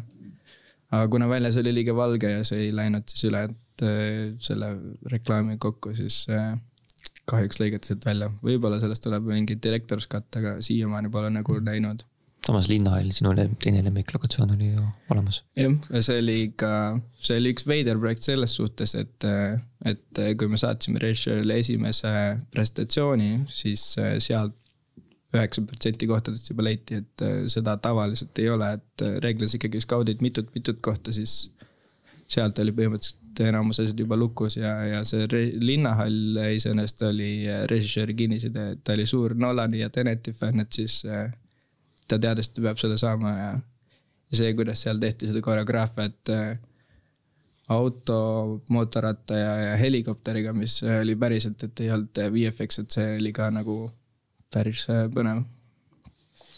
ja muidugi Eesti tuntud näitleja seal äh, klipis andis veel mõnusa kirsi sinna tordile. Mm.. Reimo Sagore näol siis. Yeah.. ja see näitab jälle seda, et, et tänu Tenetile või ühele suurele produktsioonile Eestis ikkagi jällegi sai uus klient ta sai siia veel nagu tööd nii-öelda juurde. kindlasti, eks Tenet on ikka teinud nagu mitmes suunas nagu ukse lahti ja pannud Eesti nagu kaardile, et. noh, samas tal on, tal on ka meie nagu mõnes mõttes äh, loopis ka kaikaid meile kodaratesse äh, sellega, et noh, näiteks mingid võttekohad läksid väga kalliks pärast seda. Sest et noh, Tenetil ilmselgelt oli palju raha maksta nende kohtade eest ja neile noh me tahame seda kohta ja me saame selle koha. Ehm, ja noh, kui sa nüüd, nüüd pead minema sinna, ma ei tea, sadu kordi väiksema eelarvega ja proovid neil nagu uksest sisse saada, et siis um, nad ei ole, mõned ei ole nagu huvitatud enam. üks konkreetne koht on, kuhu ei saagi enam põhimõtteliselt, sellepärast et meil ei ole piisavalt raha mm. -hmm. otsida öelda ei tohi? ma ei, ma jätan selle igaks juhuks okay. mainimata mm -hmm. pärast, äkki me kunagi ikkagi saame yeah aga noh, Laagna, Laagna tegelikult ka iga kord kinni ei pane, selles mõttes, et see ongi, et. režissöör tegelikult tahtis väga sinna minna, aga see jäigi finantsvahendite ja mm -hmm. siis mm -hmm. selle taha. No tegu ju kindlasti visuaalselt ikkagi ühe viimase ägedama reklaamiga, ma arvan, mis siin filmitud on ja tore ka, et seal väga paljudes erinevates äh, valdkondades olid Eesti, Eesti crew'd ikkagi peal. seal oli kõik äh, peale loomeeskonna olid eestlased mm, -hmm. teine operaator, kes siis tegi mingeid väikseid äh, klippe, tema tuli koos režissööriga. ta oli hea sõber mm -hmm. ja operaator ka. auto, autoreklaamid üldse tunduvad veits olevat siis teie pärusmaa et siin on käinud ju Jeep ja Mitsubishi ja Renault Seat ja Porsche, Volkswagen ja Mercedes ka mitu korda, et, et äh, kas on mingi nišš, et kui ühe teed, siis hakkab lihtsalt tulema juurde? eks seal kindlasti on noh, selles mõttes enamus on need Saksa produktsioonid. ja noh, eks see Saksa produktsioonimaailm ka suhtleb omavahel ja režissöörid ja produtsendid ja et ähm, et meil on noh, tõesti õnnestunud need äh, autoreklaamid hästi, noh suuresti on see selle mm, tõttu, ma arvan, et äh, noh, Eesti see kompaktsus ja väiksus ja et sul ongi noh, tegelikult ju ka suhteliselt vähe seda liiklust võrreldes teiste linnadega, äh, mida sa pead ümber korraldama ja selle võrra see on ka nagu odavam siin ja lihtsam, liht-, noh, lihtsalt lihtsam teostada ja et sa saadki nagu siit kohe ka kõrvalt selle metsa ja noh, mingi. väikse väina tamm on ainult kolme tunni kaugusel nagu Volkswagenile on midagi, mulle tundub, et on nagu ka kliendi poolele kuidagi see Eesti meeldima hakanud või noh, nad on käinud siin ju neli või viis korda tegemas erinevate autode klippe, et. jah, Renault ka kutsub vist Eestit oma nagu selleks mm lemmikvõttekohaks aga noh, eks me tegelikult ju mm, osaleme noh, kõikide nende reklaamidega nii-öelda nagu globaalsel hankel on ju. et ähm, samamoodi need produktsioonid, et äh, seal on noh, nii palju asju, mis nüüd lõpuks seda valiku nagu mõjutavad, aga. aga noh, see on üks asi küll, mille üle nagu tõesti olla siin või et me oleme uhked. et ähm, on saanud tõesti teha nagu palju vägevaid ähm, projekte. ja no eks ta on niimoodi, mõtled, oh, et sihuke, kui see üle, läbipõlemisest rääkida veits on ju, et oled just lõpetanud mingi projekti ära ja siis tuleb järgmine, oh, et Mercedese reklaam on ju. oi, noh, seda ma pean ju tegema, on ju, Mercedese reklaam, kuidas ma ei tee siis Mercedese reklaami aga noh, eks tal lõpuks on seal ikka suht samasugune töö nagu need teised ka on ju, et. ega autoreklaamidel on nagu vähemalt mulle meeldib teha kindlasti rohkem autoreklaami kui, kui näopesuvett kuskile Saksamaal, et seal on nagu mingisugused oma nagu.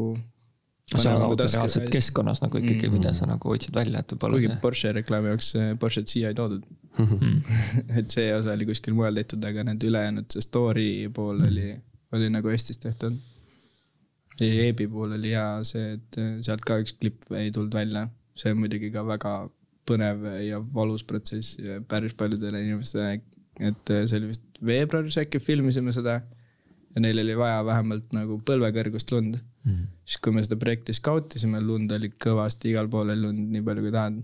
selleks ajaks, kui äh, võttesse läks, oli umbes samasugune ilm kui praegu, mhm. et vihma sadas ja lumi sulas metsiku kiirusega niimoodi, et et äh, lõppkokkuvõttes toodeti äh, Pirital äh, kohuritega lund ja siis veeti seda rekadega kohale mm., mis ja see tulemus lõpuks vist ei olnud nagu nii hea, kui, kui klient lootis ja mm. üks klipp jäetigi välja andmata.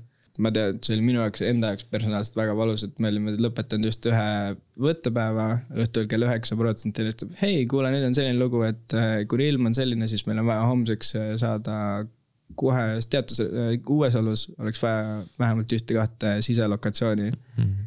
ja siis oled seal õhtul kell üheksa, mõtled, no nii hakkame siis otsima yeah. et kuna, aga õnneks sellega läks nagu selles plaanis hästi, et kuna me olime niikuinii juba enamuse naabruskonnaga suhelnud selles osas, et kus seal, mis seal toimub, et meil oli nagu kontaktide baasil, siis oli küsimus, et kes on nõus kell üheksa õhtul võtma telefoni vastu. ja laskma hommikul kell seitse järgmine päev mm -hmm nagu viiekümne inimese võttemeeskonna tuppa okay.. kuidagi lõpuks ta sai tehtud. küll aga autoreklaamidest mu üks lemmik on vist ilmselt see Mercedes, see, see Surreal või mis mm. oli see, kus need lapse teema, minu arust see on nagu naljakas ja see nagu kuidagi toimib selle kontseptsiooni ja mis ideena nagu, nagu paremini. muidugi tehniliselt ka ägedalt teostatud ja. see see tuvi, tuvireklaam seal oli ka tuid jah mm -hmm.? märkasid neid tuvisid seal või? Äh, vist äkki, ma ei mäleta niimoodi peast, ma vaatasin muidugi, tuletasin meelde, vaatasin läbi paljud videod, aga võimalik, olid nad seal sees ka, vist olid ikka mm. -hmm. jah, lõpp, vähemalt said kaadrisse mm. -hmm. enne kui nad jätsid oma panuse. ega see on äh, üks äh, lahedamaid reklaame minu meelest ka, mis meil üldse portfoolios on, et see iga või noh, iga mhm. mingi aja tagant see tuleb jälle ringiga tagasi, kus keegi mm. selle avastab nagu, et. Äh. jah, see on suur kunstiosakonna töö ka väga hea, no kindlasti ongi need paljud osakonnad töötavad koos, on ju, et asjad mm. nagu teoks saaks, aga see kuidagi jah, eristub ka kuidagi oma emotsiooni poolest kuidagi teistest, et väga mm., väga nagu äge. no igal juhul teil kliente, ma ütlen, et on siin võib lugema jääda, et siin on Ferrerod ja Coca-Colad ja Sony ja Vodafone, Sony reklaamid ka filmitud ja samamoodi Tornimäel on ju väga ägedad uute kõrvaklappide reklaamid, et noh. Ei, ei pea minu meelest piinlikkust tundma, et ikkagi kliendibaas on väga. seal läks lõpuks see Rummu mägi ka käiku mm. -hmm. jah, seal, seal sobis see oli, see Sony oma oli üldse, see oli ülemaailmne kampaania. täpselt jah. et äh,. ei ole paha ju. mul isegi Eesti sõbrad on kus New Yorgis mingit Ameerika jalgpalli vaadates nagu näinud seal mm -hmm. seda klippi jooksmas siis seal kõrval ekraanidel, et. Et ja Volkswagenil oli ka ju üle Euroopa elektriauto lansseerimise kampaania on siin tehtud. jooksis kõikide jalkamängude ajal oli näha seal auto Viimsi kooli taustal ja mm. kõikidest etale, et see oli väga päris lahe. väga äge tasub teha seda tööd mm. -hmm. loodame, et siis meid ära ei unustata aga lähme võib-olla sinna natuke teistele teemadele ka, et siin äh, eestlaste lemmikteema tööjutt on enamus, enamus räägitud, et. et te olete mõlemad äh, Pärnu poisid, nagu ma olen aru saanud mm. -hmm ja mina olen siuke Tallinn-Pärnumaa vastanud vastavalt sellele, kuidas vaja on. ja ma olen Tallinnas sündinud, aga Pärnus põhikoolis käinud et võib-olla rääkige äkki, kui, kaugele ulatub teie omavaheline tutvus ja kust te üksteist teate?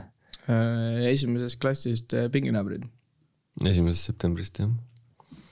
Et äh, selles mõttes teame üle poole oma elust kõvasti. see oli siis, mis koolis? Pärnu vanalinna põhikool mm., kus ka Vehklejat vist filmiti mm. -hmm. jah, meie võimlas mm. -hmm. kuidas teie lapsepõlv välja nägi, millega te tegelesite? mis seal ikka, mängisid natuke ja siis magasid ja sõid ja lapsepõlve või noh, suur osa noorusajast möödus skatepargis ju. jah, ma skatepargi, igast erinevad. meil oli suviti traditsioon käia hommikuti ko ko kossu mängimas. ja rulatamine ja, ja rannas ja võrku, Martiniga mängisime võrkpalli veel ja, ja sihuke väikelinna värk ikka. teed sporti ja naudid suurepärast seltskonda. ma saan aru, et tänavasport on ikkagi hingelähedane mõlemal olnud. Hannesel just eriti, nagu ma olen välja uurinud. kuidas see tekkis ja, ja mis ambitsioonid sellega üldse olid? sa isegi korraldasid vist nagu võistlusi ja üritusi, ma saan aru ka ja kogusid raha, et, et skateparki üles ehitada ja. jah ähm,, rulaga ma hakkasin sõitma Mm, no ma ei tea, nagu ikka, lahe, skatepark oli sihuke lahe koht, kus lahedad inimesed käisid. ja siis hakkasid ka seal ähm, toksima, ollid seal kohapeal. ja, ja ma sain sealt nagu hästi kiiresti endale vanemad sõbrad, kes mind nagu enda tiiva alla võtsid ja õpetasid ja noh, olid seal kambas ja. Ähm, ja siis ühel hetkel jah, no kuldrula oli tegelikult Äh, esime-, no e-, esimesed Eesti meistrivõistlused rulatamises äh, kaheksakümnendatel Pärnus ja siis Sander Ilves kaks tuhat viis aastal äh, taaskäivitas selle. Ja siis mõned aastad hiljem andis nagu mulle mm, selle peakorraldaja mm, positsiooni edasi. ja ma tahtsin noh, et see areneks edasi ja taaskäivitasin siis selle meistrivõistluste äh, poole ja no selle jaoks ma pidin siis liituma Eesti Tänavaspordi Liiduga. mille juhatuses ma siis olin ka äh, seal äh, kuskil neli-viis aastat. lisaks spordile. Hannese puhul tuleb kunsti hästi palju ja sellist asja, Martini puhul natuke raskem oli teha sihukest ütleme eeldavalt, sest et sul on ka nimekaim päris mitu. hoopis teisest valdkonnast, et siis oli nagu raske, et ma võib-olla küsingi, et enne kui Anne juurde läheme, äkki. äkki Martin räägib natuke oma selles mõttes eluteest, et, et kas sa Pärnus lõpetasid gümnaasiumi ka või tulid ka mingi hetk Tallinnasse? jaa, gümnaasiumi lõpetasin ka Pärnus jah, et eks me läbisime Hannesega ka ikkagi väga tihedalt nii gümnaasiumi ajal kui, kui enne ja pärast, et peale gümnaasiumit ma läksin Tartusse ülikooli. õppisin seal ajalugu, millega ma lõpetasin isegi, et aitäh, Katariin, et sa aitasid selle lõputöö mul valmis teha, aga. ja siis peale seda jah, ma olin Tartus äkki kolm aastat ja siis saime siin Hannesega jälle kokku selle filmi, filmivärgi peale, aga et eks see kunst on ju Hannese pereviga et eks me, kuna me saame ka väga hästi Hannese perega läbi, et siis see on palju koos äh, igast asju tehtud. Hannes, ma saan aru, sa tulid varem vist Tallinnasse tulema Pärnust, et sa vist ei lõpetanud seal keskkooli? ma läksin äh, VHK-sse jah, gümnaasiumisse mm. -hmm. ja, ja siis oli mul vaheaasta ja siis ma läksin ka Tartusse geograafiat õppima, aga ma ei lõpetanud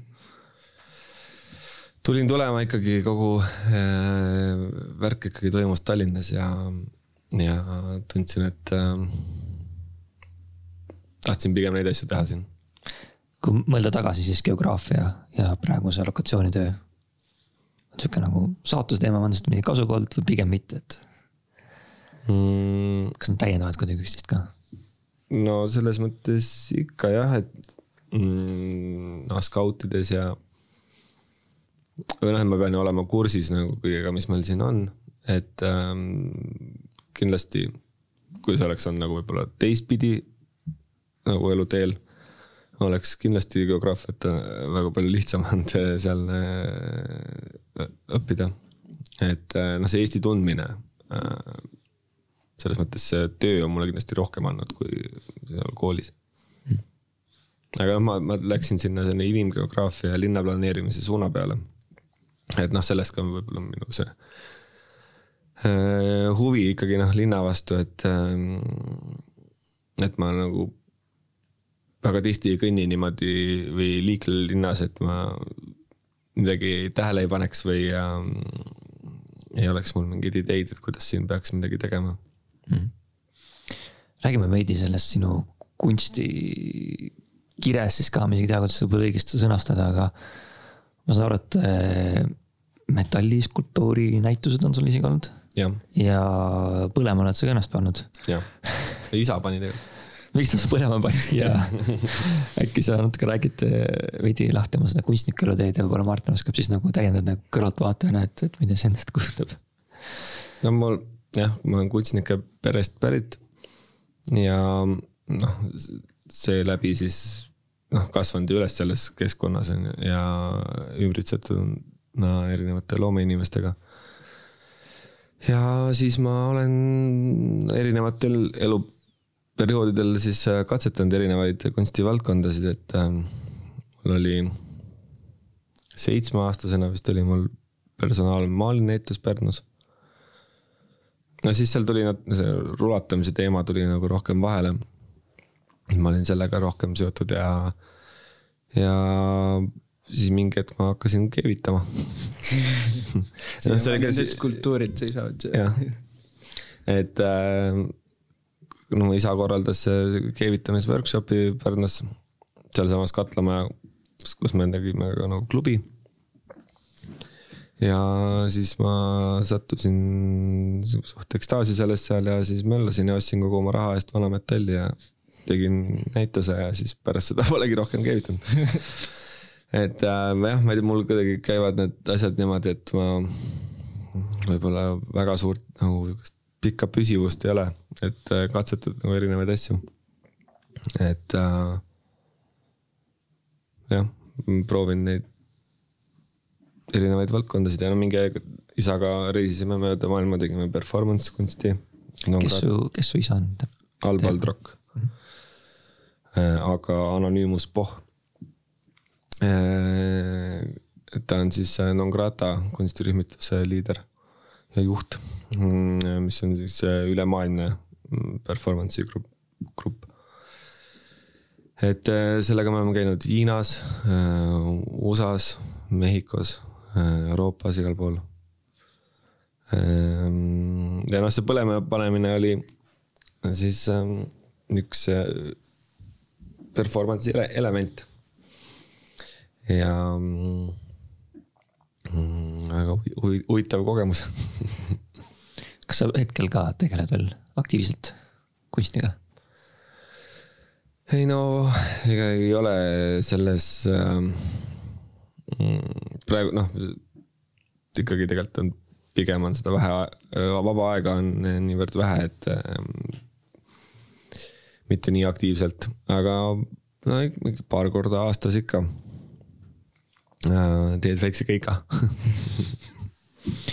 no nendest äh, teie esinemistest ja nendest, kui see Nongarata Google'is lüüa, siis kindlasti leiab terve, terve listi tegevust, tegudest, mis te olete teinud ja igast performance eid, et see infot on päris palju. Äh, Martin, sina kõrvaltvaatajana, kui sa oled näinud enda sõpra tegemas metallitöid ja lähema ennast panemas ja tänavatel mässamas. mis mõtted on peas käinud? no ma seda metalli asja ma pole kunagi kõrvalt näinud, kuidas Hannes keevitab, et ootan äh, siiamaani põnevusega. aga see no performance asi, eks, äh, eks me oleme isegi mõne keika teinud kaasa mm., et see on äh, huvitav kogemus ja kellel peaks kunagi tekkima võimalus, siis soovitan ära proovida. või kui kuskil on performance, et siis mine kaasa ja.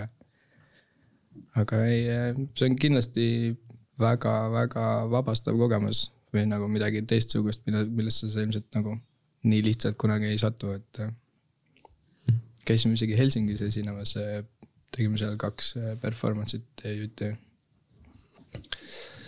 kõik äh, minu nagu lähedased inimesed on äh, siis sellepärast sellega siin kokku puutunud ja kas, kas ka ise osalenud äh, mingi etapi siis on ju, või, või jäänudki sinna tegema seda ja et ähm, ei, selles mõttes ma olen. väga hea täiendused absoluutselt kõigele ja. sellele, mis me nagu teeme igapäevaselt, et. Äh, noh, selle läbi nende performance ite on jah, see pidanud ikka päris tihti oma sellest mugavustsoonist mm -hmm. lahkuma seal, et äh, see on jah, selles mõttes kindlasti aidanud kaasa nende tihti äh, nüüd siis nagu sihukeste absurdsete ja ebamugavate äh, probleemide ja olukordade lahendamiseks, mis, mis me nagu tööalaselt peame tegema. ja see ongi eba, nagu töö, meie töös pead sa tihti minema nagu enda mugavustsoonist välja mingite inimestega suhtlema või mingeid nagu väga keerulisi probleeme lahendama, et siis.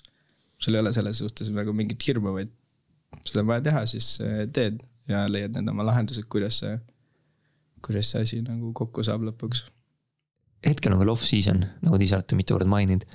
aga kuidas te võib-olla kiirel ajal endale seda vaba hetke võimaldate ja kas on üldse võimalik või panetegi ikkagi nagu orav rattas, kuni projekt on läbi ja? pead leidma, eks vist sama nagu Heli rääkis, et kui sa oled seal, sa tunnetad lõpuks ära, kui sa oled oma selle nagu piirini jõudmas, et sa, sa pead võtma selle, kas siis võtadki sellise lahenduse, nagu Hannes enne mainis, et sa mõtled endale mingi skaudi või võtad mingi asja, mida sa niikuinii peaksid tegema, aga võib-olla mitte selles ajaraamis, et sa nagu leiad selle meeldiva osa sellest, mida sa tahaksid nagu teha ja, aga eks sa pead ikkagi lõppkokkuvõttes tulema mingi hetk sellest mullist ka välja, et meil Hannesega on olnud ülipikka aega see hobi, et käia diskgolfi mängimas, et sa võtadki selle nagu paar tundi, oleneb kuhu sa lähed mängima, et sa oledki sellest teemast täiesti kõrval. mulle endal näiteks on üks väljapääs alati jalgpall, et eh, kas sa lähed kuskile vaatama või, või teed midagi, et sul peab olema igaks juhuks see väljapääs, kuidas, kuidas sellest mullist välja tulla, sest muidu sa võidki jääda lõpetuseni tööd tegema, et sa ei, ei pea magama ka minema, et sa leiad endale alati mingeid asju, mida on vaja veel, mida saab paremini ja mida nagu. jah, et eks seda peab nagu suht jõuga, jõuga nagu ellu viima, on ju, et ütlen ei, et ma lähen sinna ja ma praegu ei ole saadaval ja, et ähm, aga õnneks meil on nagu praegu tänaseks hetkeks tekkinud ka selline tiim, kes on nii usaldusväärne, et kui sa ütled neile, et eh, kas saad mind sellega aidata või nagu jätad talle mingisugused ülesanded, mis võib-olla, mida sa peaksid ise tegema või noh, ühesõnaga sa leiad need eh, väljapääsud sealt. et eh, läbi ei tahaks ennast küll põletada veel olete tundnud seda ka muidu mingil hetkel? väga lähedal on küll olnud kindlasti see mm.. jah, see esimene suur suvi, mis meil oli, kus järjest oli seal Experdi, Mercedese, Sony äh,, CNA reklaamid põhimõtteliselt kõik ühe kuu sees äh,, Vodafone mm,. et noh, siis mis ma, mis ma lugesin seal kokku, et vist juulikuus oli, on üldse seitsesada kakskümmend tundi ja ma tegin vist viiesaja neljakümnel tööd. Et noh, siis oli küll niimoodi, et äh, mäletan, kui ma juuli lõpus äh, Sofi sünnipäevale Muhku jõudsin ja siis jõid ühe džinni kokteili ära ja siis äh, oksendasid seal ja magasid kaks päeva. et ähm, noh, see oli küll sihuke, sihuke hetk, mis mul on meeles, kus see oli ikka nagu, keha andis totaalselt alla juba. pigem üritadki ajastada seda, et seal kiirel ajal teed need väiksed tekstid, aga siis off-season'il nagu võtad mingi, teed korraliku puhkuse või, või reisi või midagi, mis su teetassi siis täidab jälle. ja noh, noh tõesti, et on nagu, kuna meeskond on meil läinud suuremaks, et siis äh, tegelikult see on sihuke dele-, delegeerimise küsimus ja ka noh, et ongi see, et sa usaldad äh, oma meeskonda ja jätad nad sinna mm, vastutama siis äh, mingitel hetkedel, et sa ise saaksid korraks eemal olla et ähm, jah, see delegeerimine on nagu väga oluline asi, et siin äh, ellu jääda. no te olete koos, nagu mainisime, lapsepõlvesõbrad ja töötate ka hetkel koos, et kas te näete, et te teeksite sedasama asja ilma teineteistega kuidagi mm.? raske öelda niimoodi aga tore on koos teha, seepärast et me teame, kuidas üks või teine inimene töötab ja see teeb mingeid aspekte lihtsamaks, samas on ka mingeid hetki, kus vahel lihtsalt koppes üksteisest mm -hmm. et eh, seal on omad plussid ja miinused. jah, ma olen nõus, et eks meil on, ega see ei ole jah, selles mõttes olnud meil ju terve aja kõik nagu väga nii lilleline selles mõttes, et eh, on meil olnud omavaheliselt ka nagu raske äh, aga õnneks oleme selle nagu lahendanud need probleemid ja asjad äh, omavahel selgeks rääkinud ja ei ole andnud alla. et äh, eks on olnud tõesti no mingil hetkel nii, et kuule, ma, ma lähen hoopis kuskile mujale lihtsalt tööle. aga et õnneks seda ei ole juhtunud jah. no aga läbi, läbi probleemide lahendamisega saabki ju tegelikult ainult kasvada ja tugevamaks mm. -hmm ja ma väga loodan ja usun, et te ka ettevõttena jätkate oma kasvamist ja et suvi tuleb töökas, et praegu siis tuleb nautida, ma arvan, seda vaba aega, mis meil siin talvisel ajal hetkel on mm. -hmm. ja suvel täie hooga edasi. absoluutselt. ma igal juhul tänan teid äh, siiralt selle aja eest, mis te andsite, et te leidsite aega tulla ja rääkida sellisel põneval teemal, millest noh, paljudel, olgem ausad, pole ilmselt aimugi. aga ma väga loodan, et nüüd äh, nad saavad teada ja võib-olla tekib paljudest ka huvi selle valdkonna vastu, miks mitte. et aitäh teile tulemast, mehed, tulemast aitäh kutsumast. aitäh. ja aitäh ka teile, head kuulajad. külas olid Martin Oja ning Hannes Paldrok Location Unitist. kui te tunnete, et lokatsiooni temaatika on miski, mis teid kõnetab, siis locationunit.ee leiate kontaktid. Hannes ja Martin julgustavad igal juhul teid ühendust võtma, sest häid inimesi on ikka vaja. ja see võib olla just teie võimalus anda oma panus ja panna käed külge tulevastele ägedatele reklaamidele ja filmidele, mis meil siin Eestis valmivad. mina tänan teid kuulamast ja järgmise korrani